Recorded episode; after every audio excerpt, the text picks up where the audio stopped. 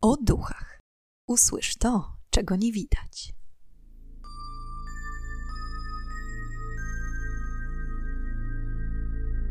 Witam i pytam, czego dusza pragnie.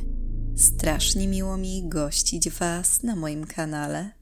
W dzisiejszym odcinku zapraszam Was na drugą część historii o zdjęciach duchów kolejne dwie fotografie, na których uchwycono coś więcej niż początkowo planowano. Autentyczne zdjęcia czy fotomontaż? Na wstępie chciałam Wam tradycyjnie podziękować za wszystkie subskrypcje i aktywność w komentarzach. Zawsze wszystkie czytam i staram się na nie odpowiadać. Ponownie, tak jak przy poprzedniej części, Zachęcam Was do obejrzenia odcinka na YouTubie, aby widzieć omawiane przeze mnie dzisiaj zdjęcia. Ok, już nie przedłużam i zapraszam zatem do wysłuchania dzisiejszej historii. Pierwszym z omawianych dzisiaj zdjęć jest zdjęcie nazywane duchem na tulipanowych schodach. Schody, przepiękne i niezwykle popularne wśród zwiedzających, znajdują się w Queen's House, dawnej królewskiej rezydencji, wybudowanej na początku XVII wieku w obecnej dzielnicy Greenwich w Londynie. Przez wieki dom zamieszkiwany był przez kobiety z rodziny królewskiej, a pierwszą jego właścicielką miała być żona króla Jakuba I, Anna Duńska, która miała dostać Queen's House jako podarunek przeprosinowy za publiczne przeklinanie jej męża. Co prawda po tym, gdy ta omyłkowo zastrzeliła jednego z jego psów. Niestety, Anna zmarła niedługo przed wybudowaniem domu. Dom zamieszkiwany był przez rodzinę królewską aż do 1805 roku, po czym został przekształcony na dom dla sierot marynarzy Royal Naval Asylum. To z kolei trwało do 1934 roku, po czym Queen's House przejęło Narodowe Muzeum Morskie. Pewnego dnia 1966 roku emerytowany kanadyjski pastor Ralph Hardy wraz z żoną odwiedzali Kanadyjczyków w Londynie. Podczas wycieczki do Muzeum Morskiego, żona pastora, widziawszy uprzednio w jednym z magazynów zdjęcie pięknych tulipanowych schodów znajdujących się na terenie Queen's House, poprosiła męża o próbę odtworzenia fotografii schodów. Pastor bez wahania spełnił prośbę małżonki, choć zdjęcie musieli zrobić z innego kąta, ponieważ samo wejście na nie było zablokowane. Schody były puste, więc nikt nie wchodził w kadr, a pan Hardy z niezwykłą starannością wykonał zdjęcie. Wycieczka trwała nadal, Małżeństwo co róż uwieczniało piękne chwile i miejsca, które udało im się zwiedzić, a kiedy wrócili do domu, oddali film z aparatu do wywołania.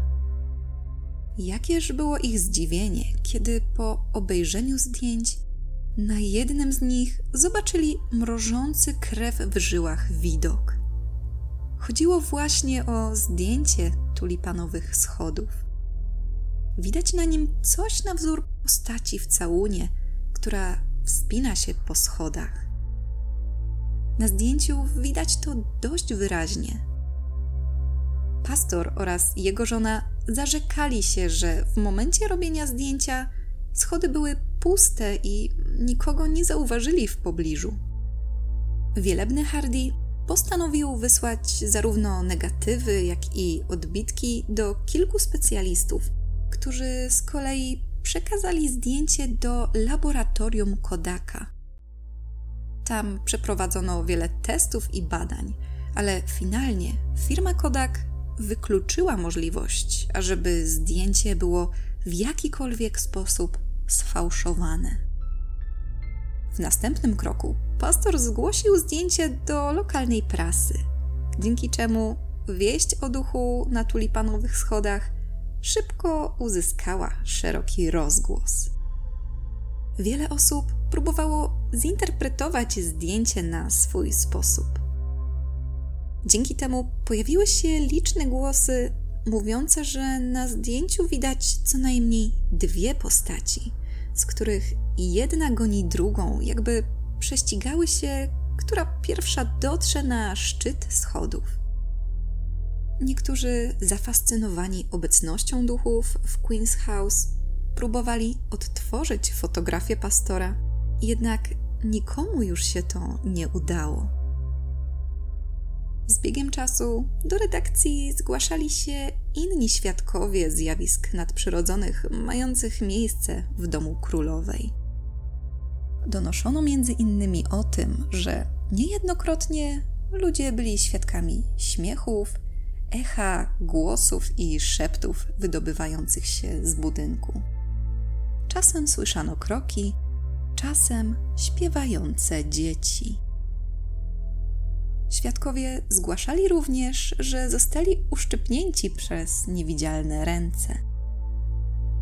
Niektórzy mieli okazję ujrzeć półprzezroczyste postaci snujące się po kątach budynku. I jedną z najczęściej widywanych zjaw miała być zjawa pokojówki, która wyciera kałuże krwi u dołu schodów. Zawsze jest ubrana w strój pokojówki sprzed kilkudziesięciu, jak nie kilkuset lat i ma niesamowicie bladą skórę. Tylko czyją krew zmywa owa pokojówka? Tutaj wersji jest kilka.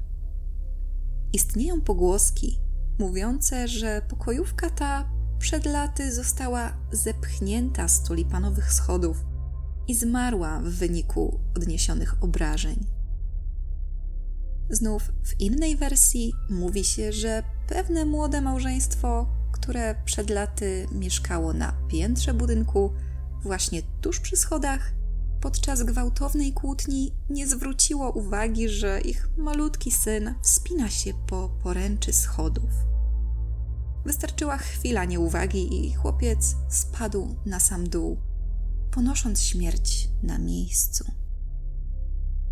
Zaintrygowana całą sprawą medium Trixie Allingham postanowiła odwiedzić muzeum, aby sprawdzić, co czai się w jego murach. Po przybyciu na miejsce kobieta miała wizję. W wizji tej, jak opisała później, widziała dwoje ludzi stojących u dołu schodów. Kobieta i jej powiernik.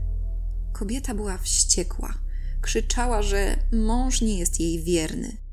Wyznała powiernikowi, że planuje zwabić kochankę męża do domu i pozbawić życia na tychże właśnie schodach. Po chwili w wizji Trixie widzi krew spływającą po kolejnych stopniach schodów. Czyją krew w takim razie zmywa pokojówka? Sprawą zainteresowało się również kilku członków The Ghost Club, którzy 24 czerwca 1967 roku postanowili przeprowadzić w tym miejscu seans spirytystyczny, próbując wywołać ducha. Siedmiu śmiałków z ówczesnym prezesem Peterem Underwoodem na czele spędziło noc w budynku. Ich zadaniem było uwiecznienie ducha lub duchów za pomocą fotografii, filmu lub ścieżki audio. Wszyscy uczestnicy musieli stosować się do konkretnych wytycznych. Musieli założyć buty na miękkiej podeszwie, aby zminimalizować niepotrzebny hałas, zsynchronizować zegarki i zapisywać każdą, nawet najmniejszą rzecz, która mogła dowodzić o obecności duchów. Zapachy, temperatura czy dźwięki. Na nic się to jednak zdało i cały seans nie wniósł niczego nowego do sprawy. Zdjęcie Ralpha Hardiego jest więc do dziś jedynym namacalnym dowodem na obecność duchów w Queen's House. Mimo to do dziś świadkowie zgłaszają niecodzienne incydenty. Dla przykładu, kilkanaście lat temu, 20 maja 2002 roku, mężczyzna imieniem Tony Anderson, pracujący jako stróż w muzeum, podczas przerwy widział ze współpracownikami, jak biała postać przesuwa się wzdłuż balkonu po zachodniej części budynku, aby po chwili zniknąć w ścianie. Mężczyzn przeszły ciarki po plecach, ale ciekawość wzięła górę i czym prędzej popędzili na piętro, do pokoju, w którym zjawa zniknęła. Była to sypialnia królowej. Ku ich przerażeniu zjawa snuła się wewnątrz. Była ubrana w biało-szarą suknię na wzór krynoliny. Jest to mniej więcej XIX-wieczna, bardzo szeroka i sztywna suknia. Pewnie potraficie sobie ją mniej więcej wyobrazić. Po chwili zjawa zniknęła za kolejną ścianą. Do dziś nie udało się ustalić, czy zdjęcie pastora jest autentyczne oraz jaką konkretnie postać przedstawia. Jedno jest pewne: cała sytuacja jest niezwykle tajemnicza i nie znaleziono do dziś żadnych dowodów mówiących o sfałszowaniu zdjęcia. Drugim zdjęciem w dzisiejszym odcinku jest zdjęcie ze sklepu Toys R Us. Sklep został wybudowany i otwarty w 1970 roku, a pracownicy niemal natychmiast zaczęli zgłaszać niecodzienne sytuacje, jakie im się przytrafiały, będąc w pracy. Ogólnie rzecz biorąc, sklep znajdujący się w Sunnyvale w Kalifornii jest nawiedzony. Jest to poparte zeznaniami wielu pracowników. Mówią, że na terenie sklepu dzieją się dziwne i niewytłumaczalne rzeczy. Lalki, szmacianki i plastikowe autka spadają z półek. Jedna z lalek była wyjątkowo przerażająca w tamtym czasie. Podobno za każdym razem, kiedy ktoś włożył ją do kartonowego pudła, ta zaczynała płakać i wołać: Mamo, mamo. Często pracownicy, którzy zamykali wieczorem sklep, niemal lśniący czystością z poukładanym starannie towarem, następnego ranka natykali się na zdemolowane półki. Piłki same się odbijają, a huśtawki ruszają się samoistnie. Książeczki wypadają ze stojaków, a dookoła czuć czyjąś obecność. Pat Pat O'Brien, jeden z pracowników o najdłuższym, bo 18-letnim stażu, mówił, że niejednokrotnie podczas układania zabawek czuł nagłe podmuchy lodowatego wiatru. Często, będąc samemu na zmianie, słyszał, jak ktoś woła jego imię, a w sklepie wtedy zawsze był sam. Ponadto krany w łazience pracowniczej często odkręcają się same, gdy tylko ktoś do niej wejdzie, i często można poczuć dotyk niewidzialnych rąk. Przez pewien czas, za każdym razem, kiedy pracownicy woskowali podłogę, na środku każdej alejki leżał pluszowy miś. Znów na wiosnę, przy jednej konkretnej alejce, unosił się bardzo intensywny zapach polnych kwiatów. Informacja o zjawiskach nadprzyrodzonych w Toys R Us szybko rozniosła się po okolicy, dzięki czemu sprawą zainteresowało się kilku badaczy takich zjawisk oraz medium. Jedną z osób, które najczęściej odwiedzały sklep, była kobieta imieniem Sylvia Brown. Podczas jej wizyt wielokrotnie próbowała skontaktować się z niewidzialną siłą, nękającą pracowników i klientów. W końcu, po kilku próbach, udało jej się nawiązać kontakt z duchem. Jak relacjonowała Brown, niespokojną duszą błąkającą się po sklepie był duch Szweda Johna Johniego Jonesa. Johnny ukazał się kobiecie, której wyszeptał: Ulituj się nade mną, Beth. Medium zaczęła dociekać, kim jest Beth i przede wszystkim, dlaczego duch nie może odejść w zaświaty. Jak dowiedziała się z przebiegu wizji, Johnny był za życia pracownikiem budowlanym, który w latach 80. XIX wieku pracował na farmie stojącej niegdyś na miejscu obecnego sklepu. Choć Johnny na co dzień był kaznodzieją, to praca na farmie miała mu zapewnić pożywienie i nocleg. Właścicielem farmy był zamożny mężczyzna Martin Murphy. Murphy posiadał piękną córkę Elizabeth, w której Johnny nieszczęśliwie się zakochał.